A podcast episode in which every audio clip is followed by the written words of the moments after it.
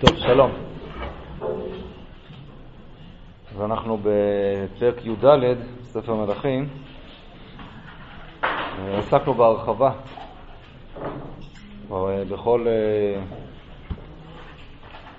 סיפור הסכסוך כאן בין אמציה מלך יהודה לבין אה, יואש מלך ישראל, סיפור אה, המשל, משל הכוח והארז, המלחמה, העונש של המלך יואש, יואש אני מזכיר, יואש מלך ישראל בסוף מנצח ומביס את אמציה מלך, יהודה, ואף על פי כן הרושם שעולה שמיד אחרי הניצחון הוא מת, וראינו שהפסוקים האלה כבר מופיעים לפני כן, לא צריך, מוזכרים פה רק באמת להסביר את הדבר הזה, שלמרות שהוא כבר ניצח במלחמה, זה היה עונש לאמציה, על מה שאמציה עשה, וגם על זה דיברנו, כמו שאתם זוכרים.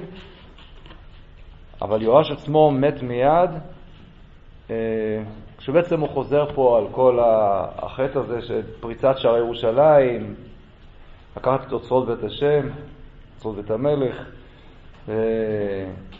בעצם הדבר הזה הוא מקבע את אה, ההפרדה שבין ממלכת ישראל לירושלים, ממלכת יהודה, ובזה הוא חוזר בעצם על חטאי ירבעם ונבד.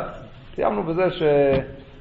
וזה בא לידי ביטוי בכך שלבן שלו הוא קורא ירבעם. קורא לבן שלו ירבעם, זה בוודאי מוכיח את הדבר. שני דברים נשארו לנו עדיין קצת לגעת בסיפור הזה. האחד, הסיומת של הסיפור. אה, בואו נראה אותו רגע רק. פרק י"ד, פסוק י"ז,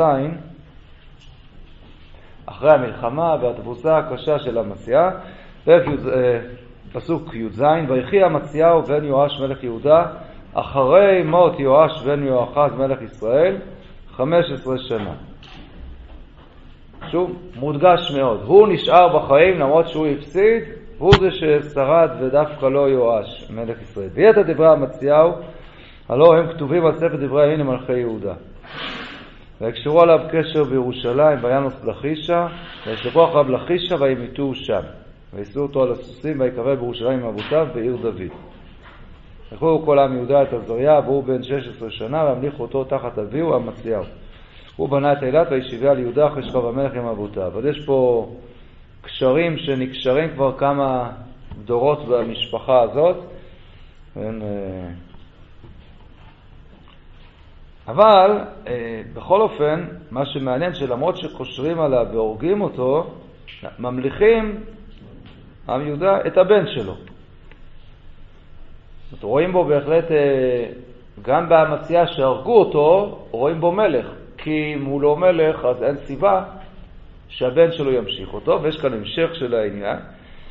אה, עוד קצת נוסיף על זה משהו. בכל אופן, הדבר המעניין הוא שכמעט הייתי אומר שהרושם הוא קצת מבוזבז כאן בפסוקים.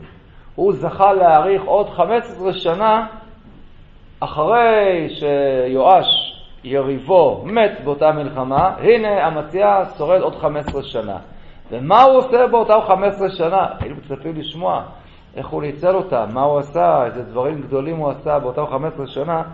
אנחנו לא מוצאים על זה שום דבר מלבד זה שקושרים עליו קשר בירושלים, הוא בורח ללכיש, גם שם רודפים אחריו, ובסוף מחזירים אותו לירושלים, רק אה, כבר אחרי שהרגו אותו, בשביל להיקבר עם אבותיו בעיר דוד.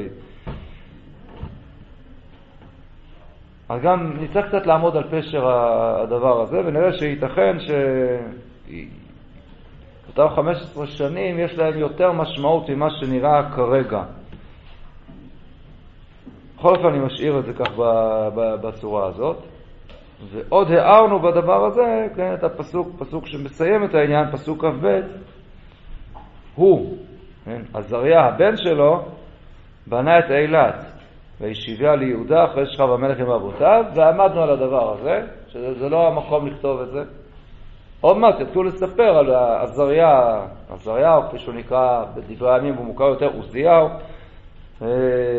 כשיתואר מה שהוא עושה והמלחמות שהוא עושה, אז כדאי יהיה לכתוב שהוא למשל השיב את, הוא בנה את אילת ומשיב אותה ליהודה. אבל אה, לא, זה עוד כתוב בהקדמה שלו, ולא רק שזה כתוב, אלא וישיבה ליהודה אחרי שכב המלך עם אבותיו. טוב, זה ברור שזה אחרי שכב המלך עם אבותיו. הוא רק מלך אחרי שכב המלך עם אבותיו. אז ברור שהוא השיב את אילת ליהודה רק אחרי שכב המלך עם אבותיו. מה פשר הדגש הזה? למרות שפה אנחנו רואים בספר מלכים, אנחנו כבר רואים שגם כשכתוב על מישהו שהוא מת, זה עדיין לא אומר שום דבר. אחר כך עוד פעם ועוד פעם ועוד פעם, פה צריך וידוי הריגה רציני מאוד, אז פה אומרים לך זה לא ככה, תדע לך, כתוב שהמציע מת, וכיוון שכך, שהבן שלו שמולך אחריו משיב את אילת, זה באמת קורה אחרי שאבא שלו כבר מת.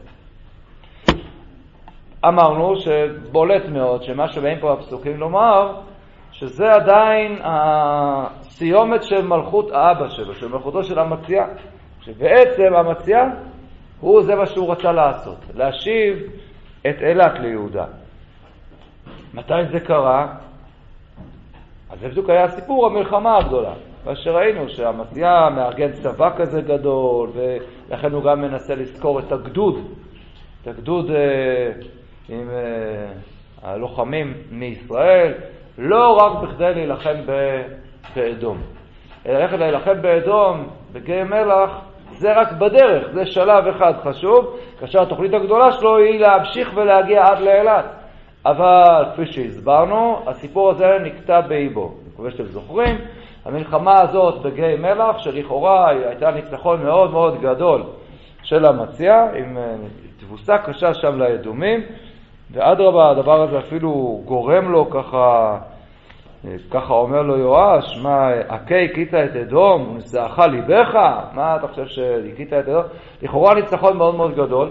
כשאנחנו קוראים את הפסוקים בדברי הימים, אז אנחנו מבינים שהיה שם סיפור הרבה הרבה יותר מורכב, שהמציע במלחמה הזאת הוא מנצח את, את אלוהי, את, את שעיר, את אדום, ואז הוא פתאום מזבח ומקטר לאלוהי שעיר. מה זה יוצא עליו הנביא בשצף כסף, וכאילו מה, מה העניין, מה היה, אז אתם זוכרים מה שהסברנו, שהסיפור שם נתקע. באמצע המלחמה שלו מול האדומים מתחילות להגיע שמועות על הגדוד הישראלי שפושט אה, בינתיים בעורף של אה, צבאו, ש... וזה כמובן גורם ללחץ עצום.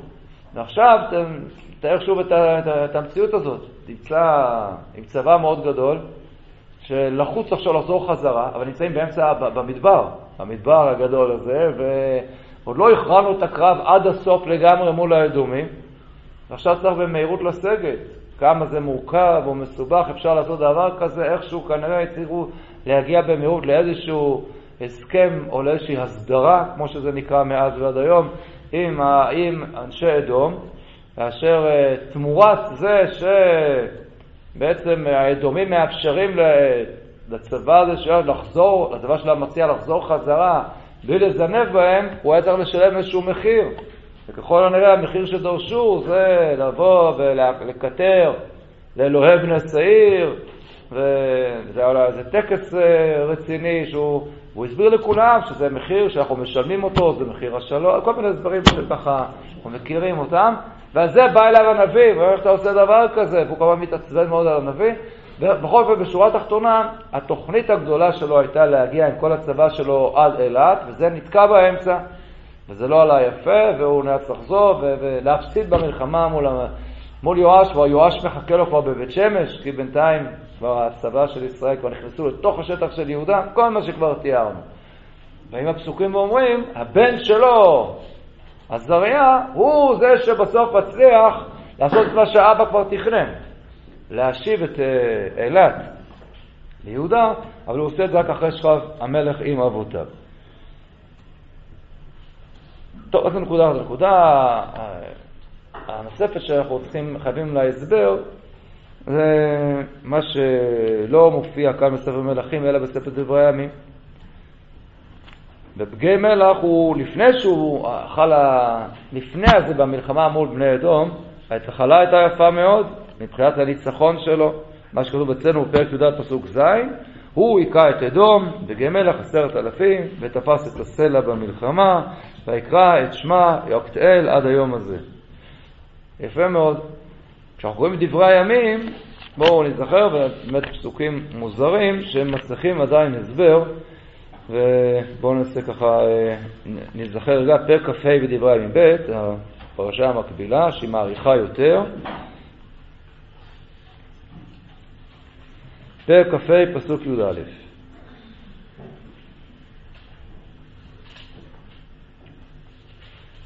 והמצאהו התחזק וינהג את עמו וילך גיא המלח. ויחד בני שעיר עשרת אלפים. אולי רגע נעיר עוד הערה אחת על הפסוק הזה. מה זה והמצאהו התחזק וינהג את עמו? במה הוא צריך עכשיו להתחזק עכשיו בדיוק? אלא, מה היה הסיפור כאן? הוא שכר, הפסוקים הקודמים, בואו נזכר, כן, הוא שכר את הגדוד מישראל של מאה אלף גיבורי חי בסכום מאוד גדול, ואיש האלוקים בא ואמר לו שחרר אותם. שחרר אותם, מה אני אעשה עם זה? כל הדיבר, מה שכבר דיברנו בארוכה, והוא משחרר אותם. אז אנחנו דיברנו יותר על מה שכאן מופיע, על הכעס הגדול של אותם, אותם אנשי הגדוד, שהם uh, חזרו למקומם בחורי אף, ואחר כך הם הלכו לנקום את כל הסיפור הזה. מה שלא כך דיברנו, וזו רק תוספת חשובה, בואו נחשוב מה קורה כרגע בצבא יהודה. הצבא של אה, יהודה, החיילים שהוא ארגן בצבא גדול מאוד, 300 אלף בחור יוצא צבא, בהחלט רציני, אבל הוא שוכר עוד 100 אלף מישראל, זה כמות אדירה. עכשיו הצבא, במקום 300 אלף יש 400 אלף, זה כמובן אה,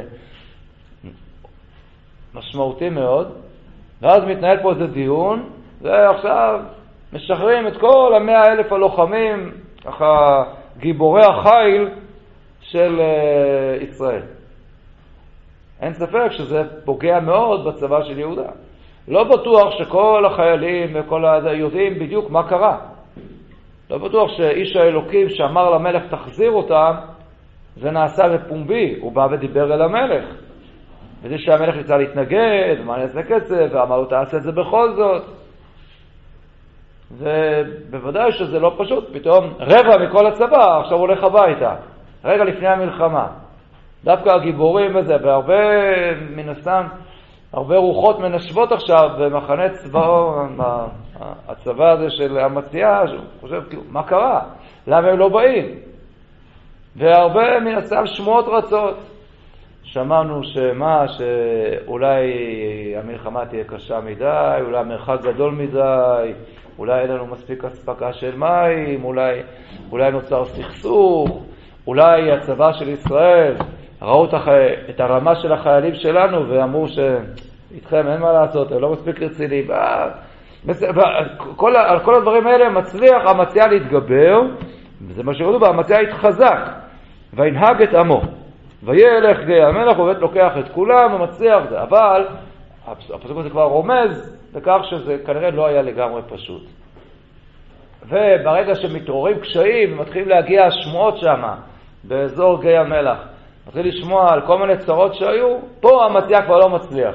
כל התחושות הקשות עכשיו מבעבעות מחדש, הוא לא מצליח מחדש להחזיק את כל העם, כפי שאמרנו, הניסיון שדוד עמד בו, הוא היה צריך לעמוד בו, והוא לא עמד בו, ונאלץ אה, להשתחוות לאלוהי שעיר, לחזור, וכל הדבר הזה. אבל בכל אופן, אני חוזר לפסוק י"א, המציע הוא התחזק וינהג את עמו בלך גיא המלח, גם בני שעיר עשרת אלפים, וכאן התוספת, ועשרת אלפים חיים שבו בני יהודה, והביאום לראש הסלע, וישליכו מראש הסלע, וכולם נבקעו.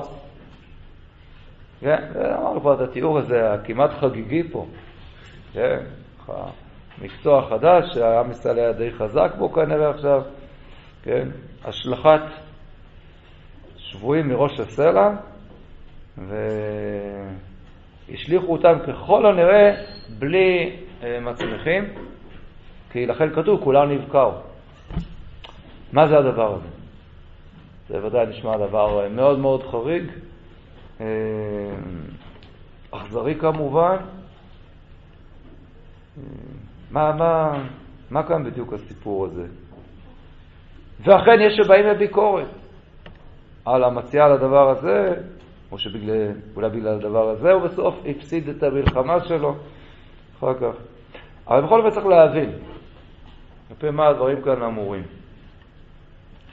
אז לצורך הדבר הזה אה, נצטרך קצת לחזור ולבדוק את יחסי ישראל-אדום. בתקופה הזאת, אז נעשה את זה יחסית במהירות, בואו ניגע פה בכמה נקודות ציון חשובות לצורך הדבר הזה. אז בואו נראה את...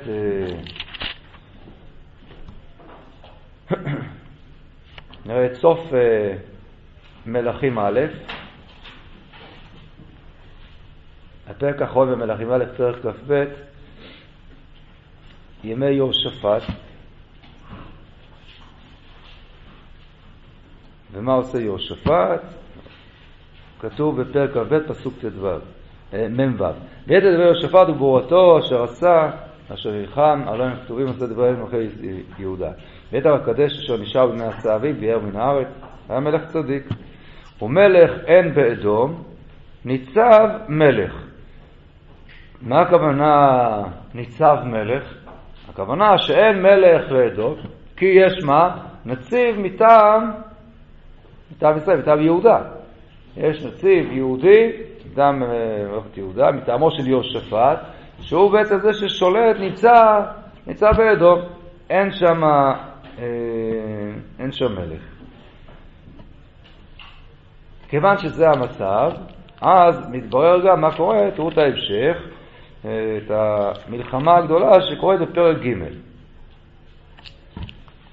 פרק ג', פסוק ד', המלחמה, למדנו אותה, מול מישה מלך מואב. תראו רגע את פרק ג' במלכים ב', פסוק ד', ומישה מלך מואב היה נוקד, להשיב למלך ישראל מאה אלף קרים ומאה אלף אלים צמר, ויהי כמות אחאב, ויפשע מלך מואב במלך ישראל. ויצא המלך יהורם, הבן של אחאב, ביום ההוא משומרון, ויפקוד את כל ישראל. וילך וישלח על יהושפט מלך יהודה, לאמור מלך מואב פשע בי, התלך איתי אל מואב למלחמה. ויאמר אלה, כמוני כמוך, כעמי כעמך, כסוסי כסוסיך. ברית צבאית, שחזור של מה שהיה בימי אבא של יהורם, בימי אחאב, גם אז הייתה ברית בין יהושפט מלך יהודה לבין אחאב, אני מזכיר, יש גם קשרי חיתון בין שני הבתים הללו, אז יהושפט הולך איתו ביחד למלחמה מול מואב. ועכשיו מה הם עושים? ויאמר איזה הדרך נעלה? ויאמר דרך מדבר אדום.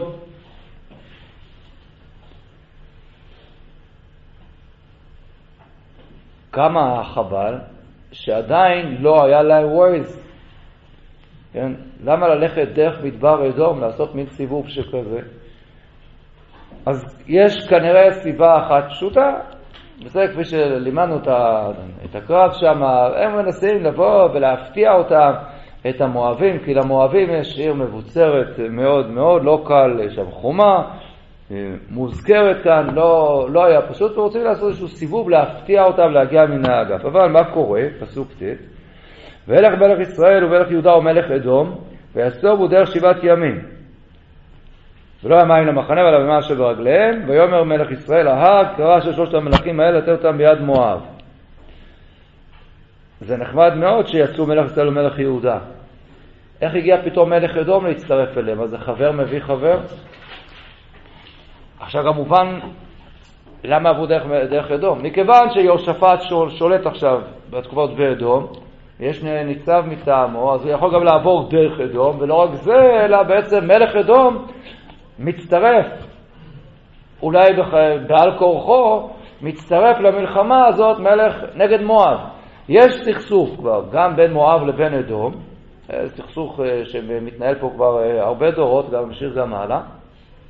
אז בכל אופן הוא מצטרף, כי הוא ביחד עם, עם יהושפט מלך יהודה. אתם איתי ככה בפוליטיקה הפשוטה הזאת. אז אנחנו נמצאים, כיוון שיהושפט הוא זה שבוודאי שולט באדום, יש ניצב מטעמו באדום, אז הוא יכול לעבור דרך אדום ולצרף אליו את מלך אדום למלחמה, שאומנם הולכת ומסתעפת ומסתבכת.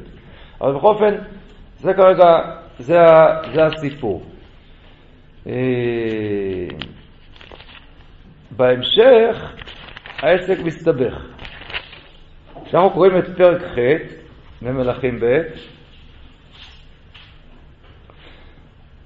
אנחנו קוראים על הבן של יהושפט, פסוק ט"ז, פרק ח' פסוק ט"ז, ובשנת חמש ליהורם מלך המלך ישראל, ביהושפט מלך יהודה, מלך יהורם בן יהושפט מלך יהודה. מלשו בירושלים שנה ומולכו, שמונה שנים מלך בירושלים. זה כבר הבן של יהושפט. וילך בדרך מלכי ישראל כאשר עשו בית אחאב, כי בת אחאב הייתה לו לאישה, והיה שערה בעיני השם. ולא אהבה השם להשחית את יהודה למען דוד עבדו, כאשר אמר לא לתת לו ניר לאולבניו כל הימים. זאת המצב היה קשה, יש פה אבא אמינא שהקדוש ברוך היה משחית לו את יהודה. בימיו פשע אדום מתחת יד יהודה, וימליכו עליהם מלך. אבא שלו, יהושפט, עוד היה ניצב מלך באדום, אבל עכשיו, בימי הבן שלו, כמו שמישה, מלך מואב, הוא עבד את אחאב מלך ישראל, וכשאחאב מת, אז הוא פשע בבן שלו, ויורם. אותו דבר עושה פה גם מלך אדום. בימי יהושפט, שהמלך חזק, אז הוא היה כנוע. בא יהורם, הבן שלו של אה, יהושפט, זה כבר לא אותו דבר. בימיו פשע אדום מתחת יהודה והבליחו עליהם מלך. יהורם מנסה לדכא את המרידה הזאת. פסוק כ"א, ויעבור יהורם צעירה, יכול להיות שהכוונה לשעירה, זה או צוהר, יש כמה פירושים, עמדנו על זה בזמנו, וכל הרכב עמו, ויהי הוא קם לילה ויכה את אדום הסובב אליו ואת שרי הרכב והיה לו סעם לאוהליו. איזה מין אה, פסוק שלגמרי לא מובן מה בדיוק, מה קורה, מי, מי המנצח ומי המנוצח. הסברנו גם זה, למה זה כתוב במין צורה מוזרה שכזאת, אבל התוצאה היא, ויפשע אדום מתחת יד יהודה עד היום הזה. אז תפשע לבנה בעת ההיא וכולי. אז כאן חל מהפך. ואדום פושעים תחת יד יהודה. איך זה בדיוק קורה? טוב, לצורך הדבר הזה, אז אנחנו צריכים להשלים עוד מלחמה שמופיעה בדברי הימים ב' ולא מופיעה בספר מלכים. בואו תחברו דברי הימים ב', פרק כ'.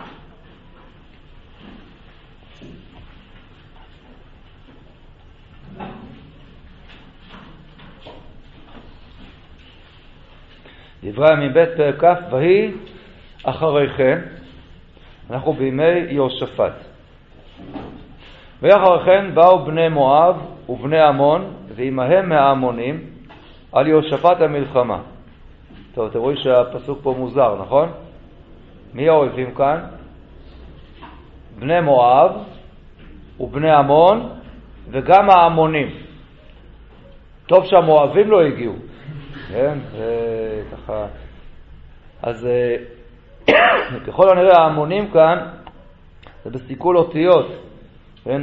מעונים, בני המעון, זה הסיכול אותיות פה חוזר, והכוונה לכמה עמים, כל העמים הנודדים כאן, השודדים הבודדים, הבוזזים כאן בכל הסביבה הזאת של, אה, של אותו אזור, של הערבה והנגב, הר הנגב, עד סיני אפילו, עוד נראה מי אלה בדיוק.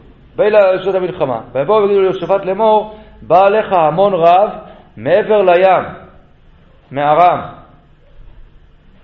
מה זה מעבר לים? איפה הם הגיעו? מעבר לים? מארם. זאת אומרת, מבינים? מכאן הוכחה שידעו כבר שכדור הארץ הוא עגול. כי איך ארם, אתה הולך לים, שמאלה, כן, למערב, מעבר לים התיכון אתה עושה סיבוב שלם, אתה מגיע לארם, בסוף. לא, אז ברור שאין זו הכוונה, אז מה הכוונה מעבר לים? מעבר לים המלח, כן? מארם. טוב, ואינם בחצוצון תמר היא אין גדי. וירא ויתן יושבת פניו לדרוש להשם, ויקרא צום על כל יהודה. יהושפט לפני כן היה מלך גדול, חזק, עם צבא גדול, ויש תיאורים ממש על ה... על ההצלחות הגדולות שלו, של יהושפט, כמה הוא עשה וככה אה, איזה הצלחות גדולות היו לו, ואיכשהו פה משהו כאן השתנה לחלוטין. אם אני אקרא את פרק י"ז רק לרגע בדברי הימים, שם, ויאכל שבת בנות תחתיו, ויתחזק על ישראל, ויתן חיל בכל ערי יהודה, בצורות, ויתן נציבים בארץ יהודה, וראה אפרים אשר אחד עושה אביו, ויהי השם יהושפט, כי הלך בדרכי דוד אביו בראשונים, ולא דרש לבעלים, כי לאלוקי אביו דרש, ובמצוותיו הלך ולא כמעשה ישראל, ויחן השם את הממלכה בידו, ויתנו כל יהודה, מנחה ליהושפט, ויהי לו עושר וכבוד לרוב, ויגבה לימוד דרכי השם, ועוד הסיר את הבמות, העשירים. אחר כך כתוב, בשנת שלוש הוא שלח לשרה ולבן חי לו עבדיה ולכל כל החבר'ה מה לעשות, וילמדו ביהודה להם ספר תורת השם, ויסעו בכל ערי יהודה וילמדו בעם, ויהי פחד השם על כל ממלכות הארצות אשר סביבות יהודה. ולא נלחמו עם יהושפט ומן פלישתים, מביאים ליהושפט מנחה וכסף, מסע. גם הערביים מביאים לו צאן, אלים, שבעת אלפים ושבע מאות ותיישים, שבעת אלפים ושבע מאות. ויהי יהושפט הולך וגדל עד למעלה, ויבן ביהודה בירניות, והרי מסכנות, וכה רבה. היו לו בירושלים אנשי מלחמה גיבורי חיל, ואלף פקודתה לבית אבותיהם ליהודה עשרי אלפים, עד מאה וזה שלוש מאות אלף, ועל ידו יוחנן עשר ועמו מאתיים ושמונים אלף, ועל ידו עמסיה בן זכריה מתנדב להשם עמו מאתיים אלף גיבור חיל, ומן בנימין עמו מגן מאתיים אלף, ועל ידו יוזר עמו מאה שמונים אלף חלוצי צבא. אלה המשרתים את המלך, מלבד אשר נתן המלך בערי המבצר, בכל יהודה, יש עוד צבא עצום, מעל מיליון חיילים, יש פה באמת איזה כמויות גדולות. צבא, ואז פתאום, מי מגיעים? בני מואב, בני עמון והעמונים, בסדר, נו.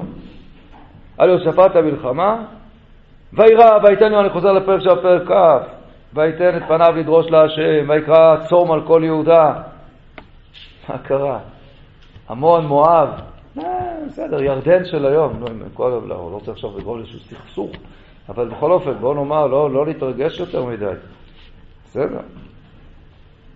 צום ויקבצו יהודה לבקש מהשם, גם מכל ערי יהודה באו לבקש את השם, ויעבודו שבת בקהל יהודה ירושלים בבית השם לפני החצר החדשה, ויאמר השם אלוקי אבותינו, הלא אתה הוא אלוקים בשמיים, ואתה מושל בכל מלכות הגויים, וידך כוח וגבורה, אין עמך להתייצב, אף אחד לא יכול ביחד בלעדי, רק אתה. הלא אתה אלוקינו, הורשת את יושבי הארץ הזאת מלפני עמך ישראל. ותתנה לזרע אברהם אוהבך לעולם. וישבו בה ויבנו לך במקדש, לשבחה, עכשיו מתחיל את כל ההיסטוריה של עם ישראל, מה קרה? הגיעו כמה המונים ומואבים. מזה אנחנו מתרגשים כל כך.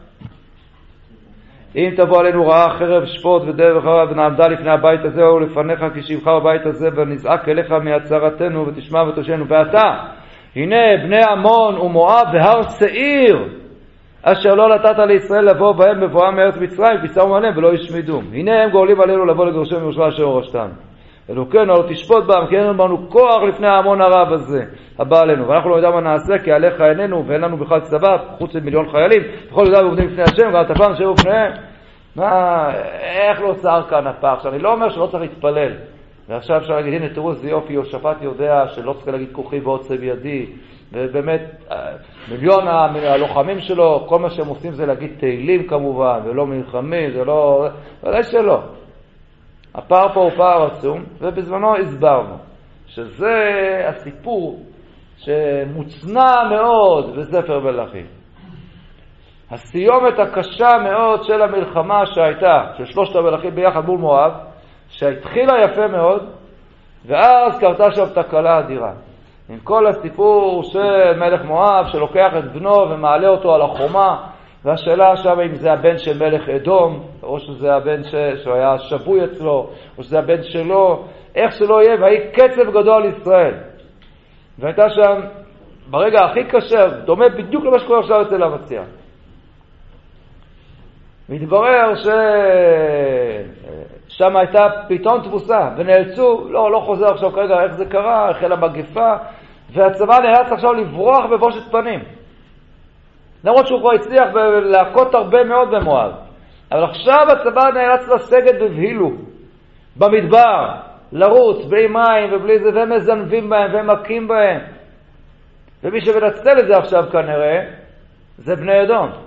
בני אדום, בזה הרגע הם בעצם מה, מפסיקים את הברית שלהם ב... עם יהודה, בוגדים ביהודה, ועוברים לצד השני. ואחרי שהצבא הגדול הזה שתיארנו כל של יהושפט, מוכה בצורה נוראית, עכשיו בא ויחרחל הסיפור הזה. ומי מגיע? אז מה שכתוב, בני מואב ובני עמון, והם ההמונים, ההמונים זה באמת המעונים, של מעון וכל האזור הזה, זה מה שנאמר וישך הר שעיר. האדומים גם הם משתתפים בדבר הזה, וכאן עם המלחמה הזאת, זו הבגידה הגדולה שלהם, ועל הבגידה הזאת הם יקבלו עונש נורא. הם יקבלו עונש נורא אבל אף על פי כן, הדבר הזה כבר הביא לכך שברגע שמת יהושפט, הם סופית מורדים בממלכת יהודה וממנים מלך במקום, קום הנציב של, של יהודה, ויש מלך באדום, והם פושעים תחת ישראל. שכתוב בתפשע אדום. זה בתפשע אדום, זה לא אומר שהם שמו מלך והניפו דגל ופתחו שגרירות, וכל עיתונאי שנכנס לשם יצא שם, טוב, לא חשוב. כן, לא, לא זו הכוונה רק של ויפשע. ויפשע, אנחנו מבינים, זה, כנראה שזה גם השלכות. גם השלכות uh, כואבות. ועוד מעט נראה את ההשלכות הכואבות הללו, מה כאן קרה.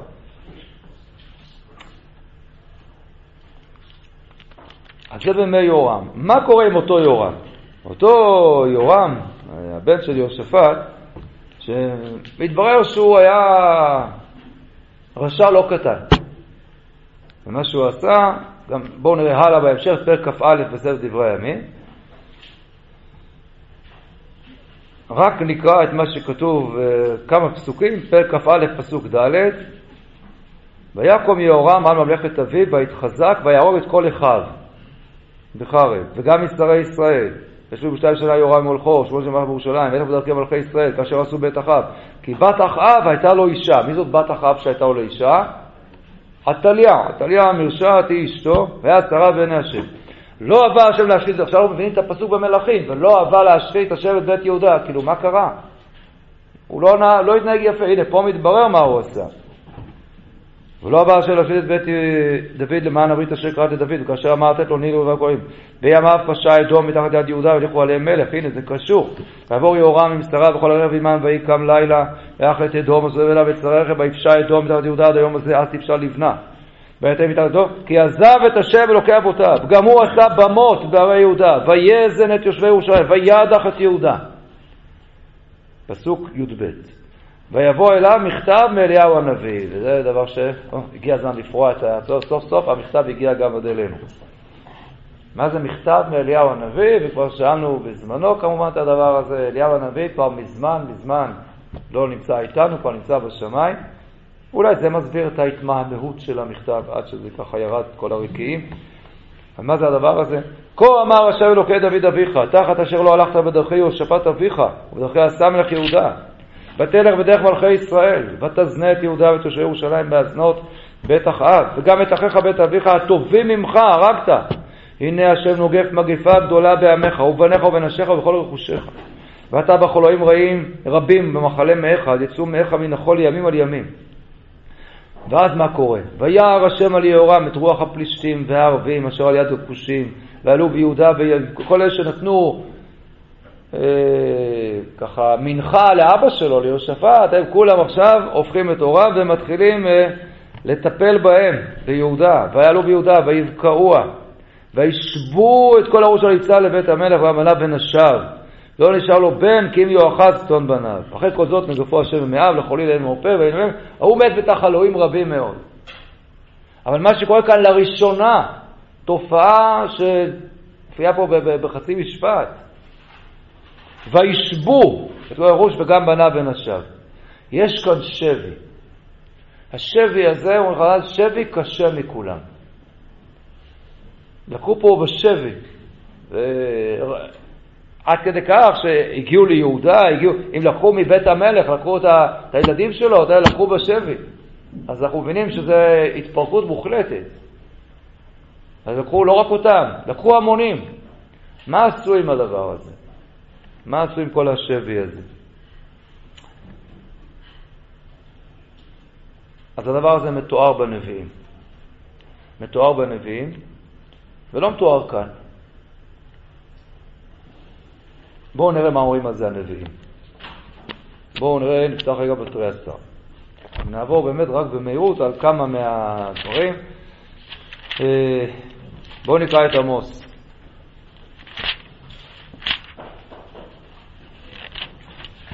עמוס פרק א'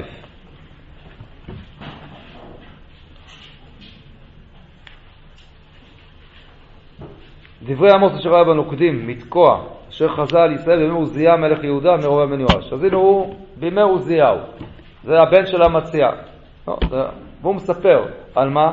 כה אמר השם השלושה פשעי דמשק ועל ארבעה לא אשיבנו.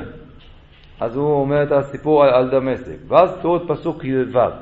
כה אמר השם שלושה פשעי עזה, ועל ארבעה לא אשיבנו. עזה זה הפלישתים. על הגלותם גלות שלמה להסגיר לאדום. על מה הוא מדבר? זה משהו שקרה לא לפני הרבה זמן, שהפלישתים הסגירו עדות, גלות שלמה להסגיר לאדום. שהפלישתים לוקחים בשבי. מה הם עושים עם זה? הנה מתברר, הם לא לוקחים את זה לעצמם, אין להם מה לעשות עם זה. יש כאלה שיודעים מה לעשות עם זה. מי אלה שעושים עם זה? האדומים. אותה, אז זה מדובר, מה שהיה פה בימי יורם. והסגירו גלות שלמה לאדום, פסוק ט' כה אמר השם שלושה פשעי צור, ועל ארבעה לא אשיבנו. הנה מתברר שלא רק זה, אלא שבאותה הזדמנות כבר, או, אז גם צור, הצפונים, צור, צור, גם הם השתתפו בחגיגה. על ארבעה לא אשיבנו, על הסגירם גלות שלמה לאדום, ולא זכו ברית אחים. פסוק י"א כה אמר השם שלושה פשעי אדום, ועל ארבעה לא אשיבנו, על רודפו בחרב אחיו, ושיחת רחמיו, ויטרוף לעד אפו, ועברתו שמרה על נצח. על התקופה הזאת הוא מדבר. התקופה הזאת, מה, מה נעשה כאן כשמגיע העונש? אדום פושעים בישראל, ביהודה, ואז בגלל כל ההתנהגות הנוראית של יהורם, מלך יהודה, מגיע עונש גדול, אבל העונש שמגיע, מגיע לעם ישראל, ליהודה. והמלך עצמו מת בתחלואים קשים, אבל בעצם לוקחים בשבי, המונים, המונים לוקחים אותם בשבי. ואת השבי הזה מוסרים לאדום. והם אלה שיודעים מה לעשות עם זה. סוחרי העבדים, והם מוכרים אותם. ועוד נראה לאיפה. בואו נראה מי עוד מדבר על הדבר הזה. הנביא הבא, עובדיה. דלגו מיד אחרי עמוס, עובדיה. עובדיה, פרק א', נכון? זה מה יש. חזון עובדיה, כל הנבואה שלו על אדום. כה אמר השם אלוקים לאדום, שמוע שמענו מאת השם ציבור יום שלח, קומו ונתקנקו עליה למלחמה. הנה קטון נתתיך בגויים, בזוי אתה מאוד. זדון ליבך אישייך, שוכנים רגלי סלע, מרום שבטו. אומר בליבו, מי יורידני ארץ? אם תגביה כנשר, אני אוריד גנבים בה וכולי, כל תחילת בבקם. הלאה.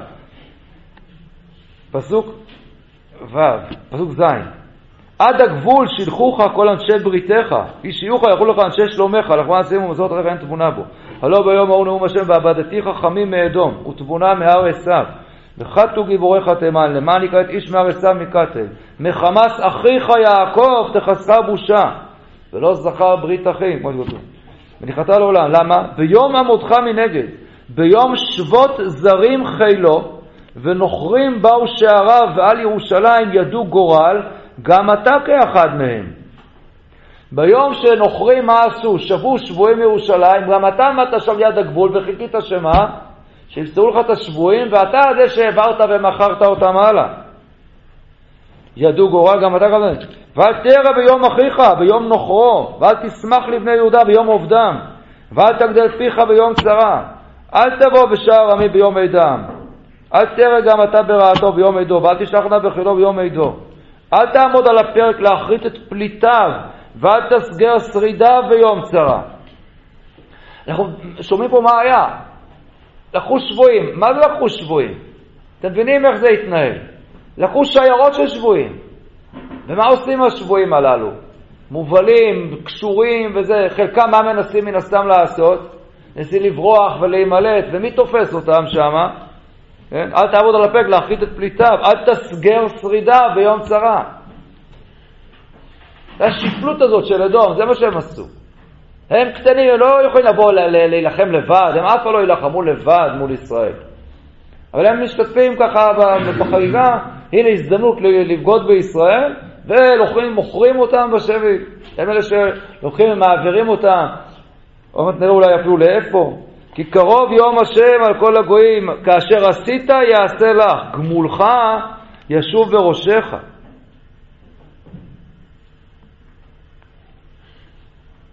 גמולך ישוב בראשך. אני רגע אחד חוזר לסיפור בספר דברי מה קרה באותה מלחמה הזאת שהם נלחמו ככה, וכבר אז התברר שגם גמולם, הם בוגדו בישראל, כבר התחילו לבגוד בימי יהושפט.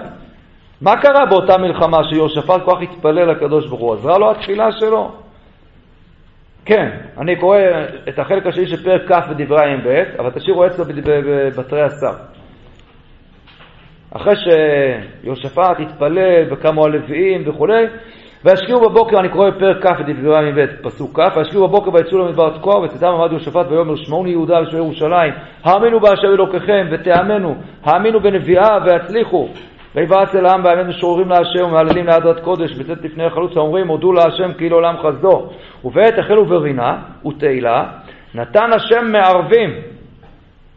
צבא שמיים על בני עמון מואב והר שעיר הבאים ליהודה וינגפו ויעמדו בני עמון ומואב על יושבי הר שעיר לאחרים ולהשמיד וככלותם ביושבי שעיר עזרו איש ברעהו למשחית חגיגה שלמה שם עמון ומואב קודם כל טיפלו הם נבהלו שם ממה שקרה, תיארנו את המלחמה שוב בארוכה, הם לא הבינו מה קורה שם, חשבו שבטח אדום בוגד בהם, קודם כל עמון ומואב התנפלו על אדום. אחרי שהרגו את אדום וזה לא נגמר, אז הם התחילו להרוג אחד את השני. אז, אז זה כאשר עשית, יעשה לך. אתם בגדתם, גם יבגדו בכם. אבל בואו נחזור לתרי עשר, מאוד הרחבה קטנה של העניין, אם ראינו פה את, אה, עובדיה ואת עמוס, בואו נראה את יואל.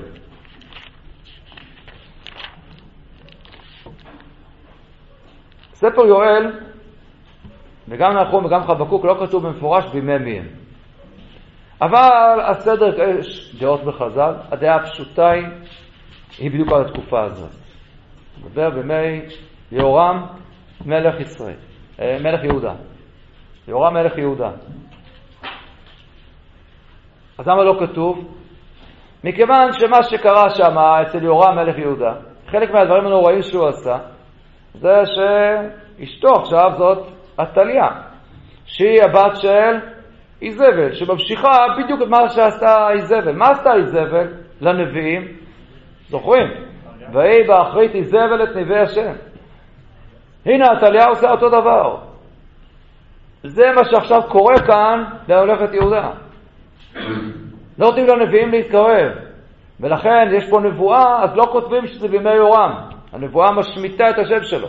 ומה הוא מתאר פה הנביא יואל? הוא מתאר, אה, חוזר על כל מכת הארבה, מכת מיציאות מצרים, לא כל כך חשוב, אני רוצה רק לגעת רק ב, על אותו הקשר מה הוא מדבר. הוא, זה אומר כזה דבר. באמת, תראו, תראו את מה שהוא כותב בפרק ג'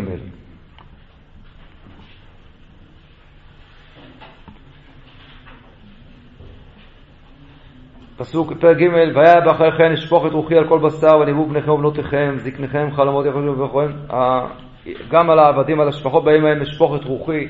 מה שכמו חוזרים ליציאת מצרים והיה פסוק ה' כל אשר יקרא בשם השם ימלא יקרא בשם השם ימלט כי בהר ציון ובירושלים תהיה פלטה כאשר אמר השם ובשרידים אשר השם קורא למרות כל המכות השרידים כי הנה פרק ד' פסוק ויהי המה ובעת ההיא אשר אשיב את שבות יהודה וירושלים, וקיבצתי את כל הגויים, והורדתי אל עמק יהושפט. או, כי, כי, כי, כי זו התקופה, מיד אחרי הבן שלו. ונשפטתי עמם שם, על מי? על עמי ונחלתי ישראל אשר פיזרו בגויים, ואת ארצי חילקו. את ארצי חילקו זה פסוק, אה, זה לא רק אה, נאמר ככה, טוב, מי שיודע. ולעמי ידעו גורל, ויתנו הילד בזונה, והילדה מכרו ביין וישתו. וגם מה אתם ליצור בצידון, וכל גלילות פלשת, הגמול אתם משלמים עליי, אם גולים אתם עליי קל מרע, אשיב מולכם בראשכם. אשר כספי וזהבי לקחתם, ומחמדי הטובים הבאתם לאכליכם, ובני יהודה ובני ירושלים מכרתם לבני היוונים, למען להרחיקם מעל גבולם. הנה, אתם מכרתם, הנביאים האלה כולם מדברים על אותה, על אותה סיטואציה, על אותו דור. מכרתם אותה לבני ה, כן, ה, היוונים, אסיה הקטנה של היום, לא היוון עצמה. מכרתם אותה להרחיקה מהגבולם, הנה מהירה מן המקום אשר מכרתם אותם שמה. והשיבותי גמולכם בראשכם, מכרתי את בניכם ובנותיכם ביד בני יהודה, מכרו לשבעים אל גוי רחוק כי השם דיבר. לכן כל ההקבלה כאן לכל סיפור יציאת מצרים, מכיוון שהשחרור הזה מעבדות, כמו שישראל היו עבדים במצרים ויצאו, ככה גם כאן. מה זה ויבוא אליו מכתב מאליהו? מכתב מאליהו הכוונה נבואה שבאה מאליהו. אבל לא מאליהו הנביא עצמו, אלא ככל הנראה מה? מאחד מתלמידיו של אליהו. ולמה מגיע מכתב? כי נביא לא יכול לגשת אל המלך עכשיו.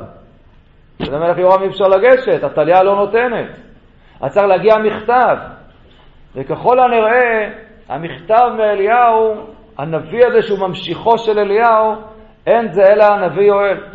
וכמו שמי שזוכר, ראינו בארוכה איך הנביא הושע הוא הממשיך של אלישע, אותו שם, כך ממילא הנביא יואל הוא הממשיך של אליהו, אותו השם בעצם, אותו השם. אז יש פה סדרה ארוכה של נבואות על הדבר הנוראי הזה שכתוב בקיצור נמרץ בפסוקים, בגלל חילול השם הנורא שהיה בזה, המכה הנוראית הזאת של השבי, מה שעשו פה, כנראה עשו את זה לאלפים, אולי לרבבות. כאשר מי שמנהל את העזר בצורה המחפירה ביותר זה בני אדום. ויש כאן חשבון פתוח עם האדומים. חשבון קשה ופתוח עם האדומים. עם הרבה, לא הרבה שנים עברו במושגים ההיסטוריים. יורם, אחרי שיורם מולך הבן שלו, זה קרה בימי יורם. הבן שלו מולך שנה אחת, רק עלייה של שנים, רש, 40 שנה, וזהו, אנחנו נמצאים אז פחות מ-45 שנה. זה עוד לגמרי טרי. הדבר הנוראי הזה שעשו בני אדום לישראל. ועל הדבר הזה כאן באמת יש באמת אה, מאבק מאוד מאוד חריף וקשה מול בני אדום, עם הרבה הרבה הרבה מטענים קשים. ולקחת אותם ולהשליך אותם מהסלע בצורה כל כך באמת אה, חריגה, זה ביטוי לכך שאכן יש פה תחושה שבהם אנחנו הולכים לעשות את, את, את הדבר הכי הכי מורכב והכי מסובך. אבל זה לא יכול שלא להזכיר לנו. המאבק מול אדום הוא מאבק שהוא רוחני בעיקרו. זה מתחיל בפרשיות שלנו. ויאמר השם לה, שני גויים בבטנך, שני לאומים ממאח יפרדו, לאום מלאום יאמץ. ורב יעבוד צעיר. המאבק שבין יעקב לעשו זה מאבק בין לאומים, בין עמים. כאשר זה עולה, זה יורד וכולי. והדבר הזה, כן, יבוא ככה בין שני לאומים, אחים. כמה מודגש פה בפסוקים בנביאים, מחמת אחיך, יבוא את החסרה בושה, ולא זכר ברית אחים. הלא אח עשיו ליעקב. וההתנהלות המשפילה הזאת, זה שעשיו נלחם ביעקב, לא, אבל למכור אותם לעבדים, אז זה ממש ככה, מה שרצה לעשות לבן הארמי, מה שכל, מה ש... שונאי ישראל הכי גדולים, הנה עושה את זה. יש דמיון גדול בין שניהם. עשיו ויעקב הם שני תאומים, וכנראה הם די דומים, חוץ מהבדל אחד. חוץ מהבדל אחד, שזה שעיר וזה חלק.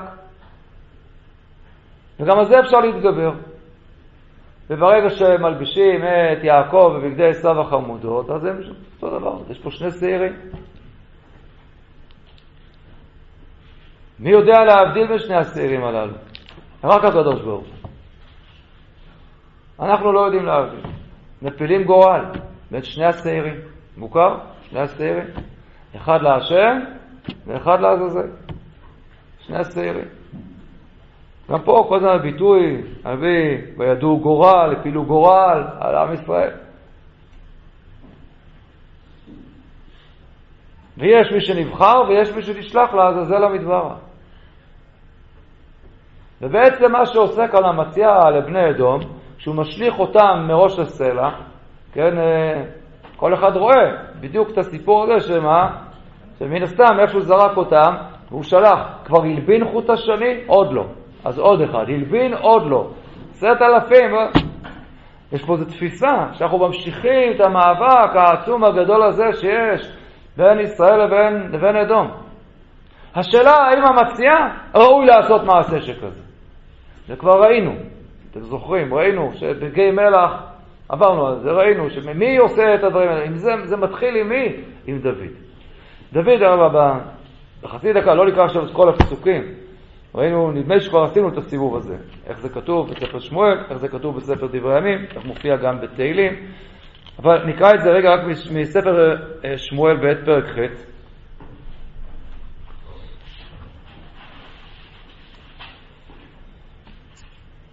פרק ח' פסוק י"ג. ויעש דוד שם בשובו מהכותו את ארם בגיא מלח שמונה עשר א' וישם באדום נציבים בכל אדום שם נציבים ויהי כל אדום עבדים לדוד ויושע השם לדוד בכל אשר הלך. וימלוך דוד על כל ישראל ויהי דוד עושה משפט וצדקה לכל עמו. דוד התחיל עם הדבר הזה הוא זה ששם נציבים באדום, הוא הראשון שפתח את העניין הזה. מלכות בית דוד, שעומדת מול הדבר הזה, מול, מול ההופעה הזאת של, של אדום. והוא מכה 18 א', מקום אחר כתוב 12 א', כתוב באדם, כל, כל התיאורים שקצת תיארנו אותם בהרחבה. דוד יכול לעשות את הדבר הזה. יש הרבה מאוד דמיון. יש שני אנשים בתנ"ך כולו, כידוע, שנאמר עליהם שהם אדמונים. עשו האדמוני ודוד האדמוני. עשו מסתובב בגדוד של 400 איש, כמו שדוד מסתובב בגדוד של 400 איש. עשו יש פה כוח של מלכות. ואלה המלכים אשר מלכו בארץ אדום, לפני מלוך מלך לבני ישראל. יש פה מאבק גדול, מי, מי, מי פה השליט? עד שמגיע דוד. ודוד, שעושה את זה בצורה נכונה, משפט וצדקה, הוא יכול להילחם במלחמה שכזאת. השאלה אם גם המציע מספיק, מספיק חזק על הדבר הזה. ומתברר, הוא רצה, והוא חשב שהוא יכול ללכת בדרך דוד דוד. זה מה שהוא רצה לעשות. אבל לא, לא. דוד לא ישתחווה לאלוהי בני שעיר כשתהיה איזו בעיה ואיזושהי מצוקה. דוד ידע להתחזק. המציע לא יתאמץ מספיק. לא היה מספיק חזק. לא היה מספיק חזק, וזה נגמר באמת בתבוסה בסוף במלחמה. אז ייתכן שהוא נענש גם על הדבר הזה. לעשות מעשה דרסטי כזה, להשליך את האנשים למטה, כשאתה עכשיו בעצם עושה את שחזור עבודת יום הכיפורים, אתה צריך להיות ראוי לדבר הזה. ולא ברור שהמציע כבר היה ראוי. אבל בכל אופן, האווירה הזאת, התיאור המוזר הזה, מבטא בהחלט משקעים עמוקים ומאבק ארוך ארוך שיש בינינו לבין אדום, שיסודו עוד בסיפור של פרשת השבוע שלנו ויעקב ועשיו. טוב, נעצור כאן היום.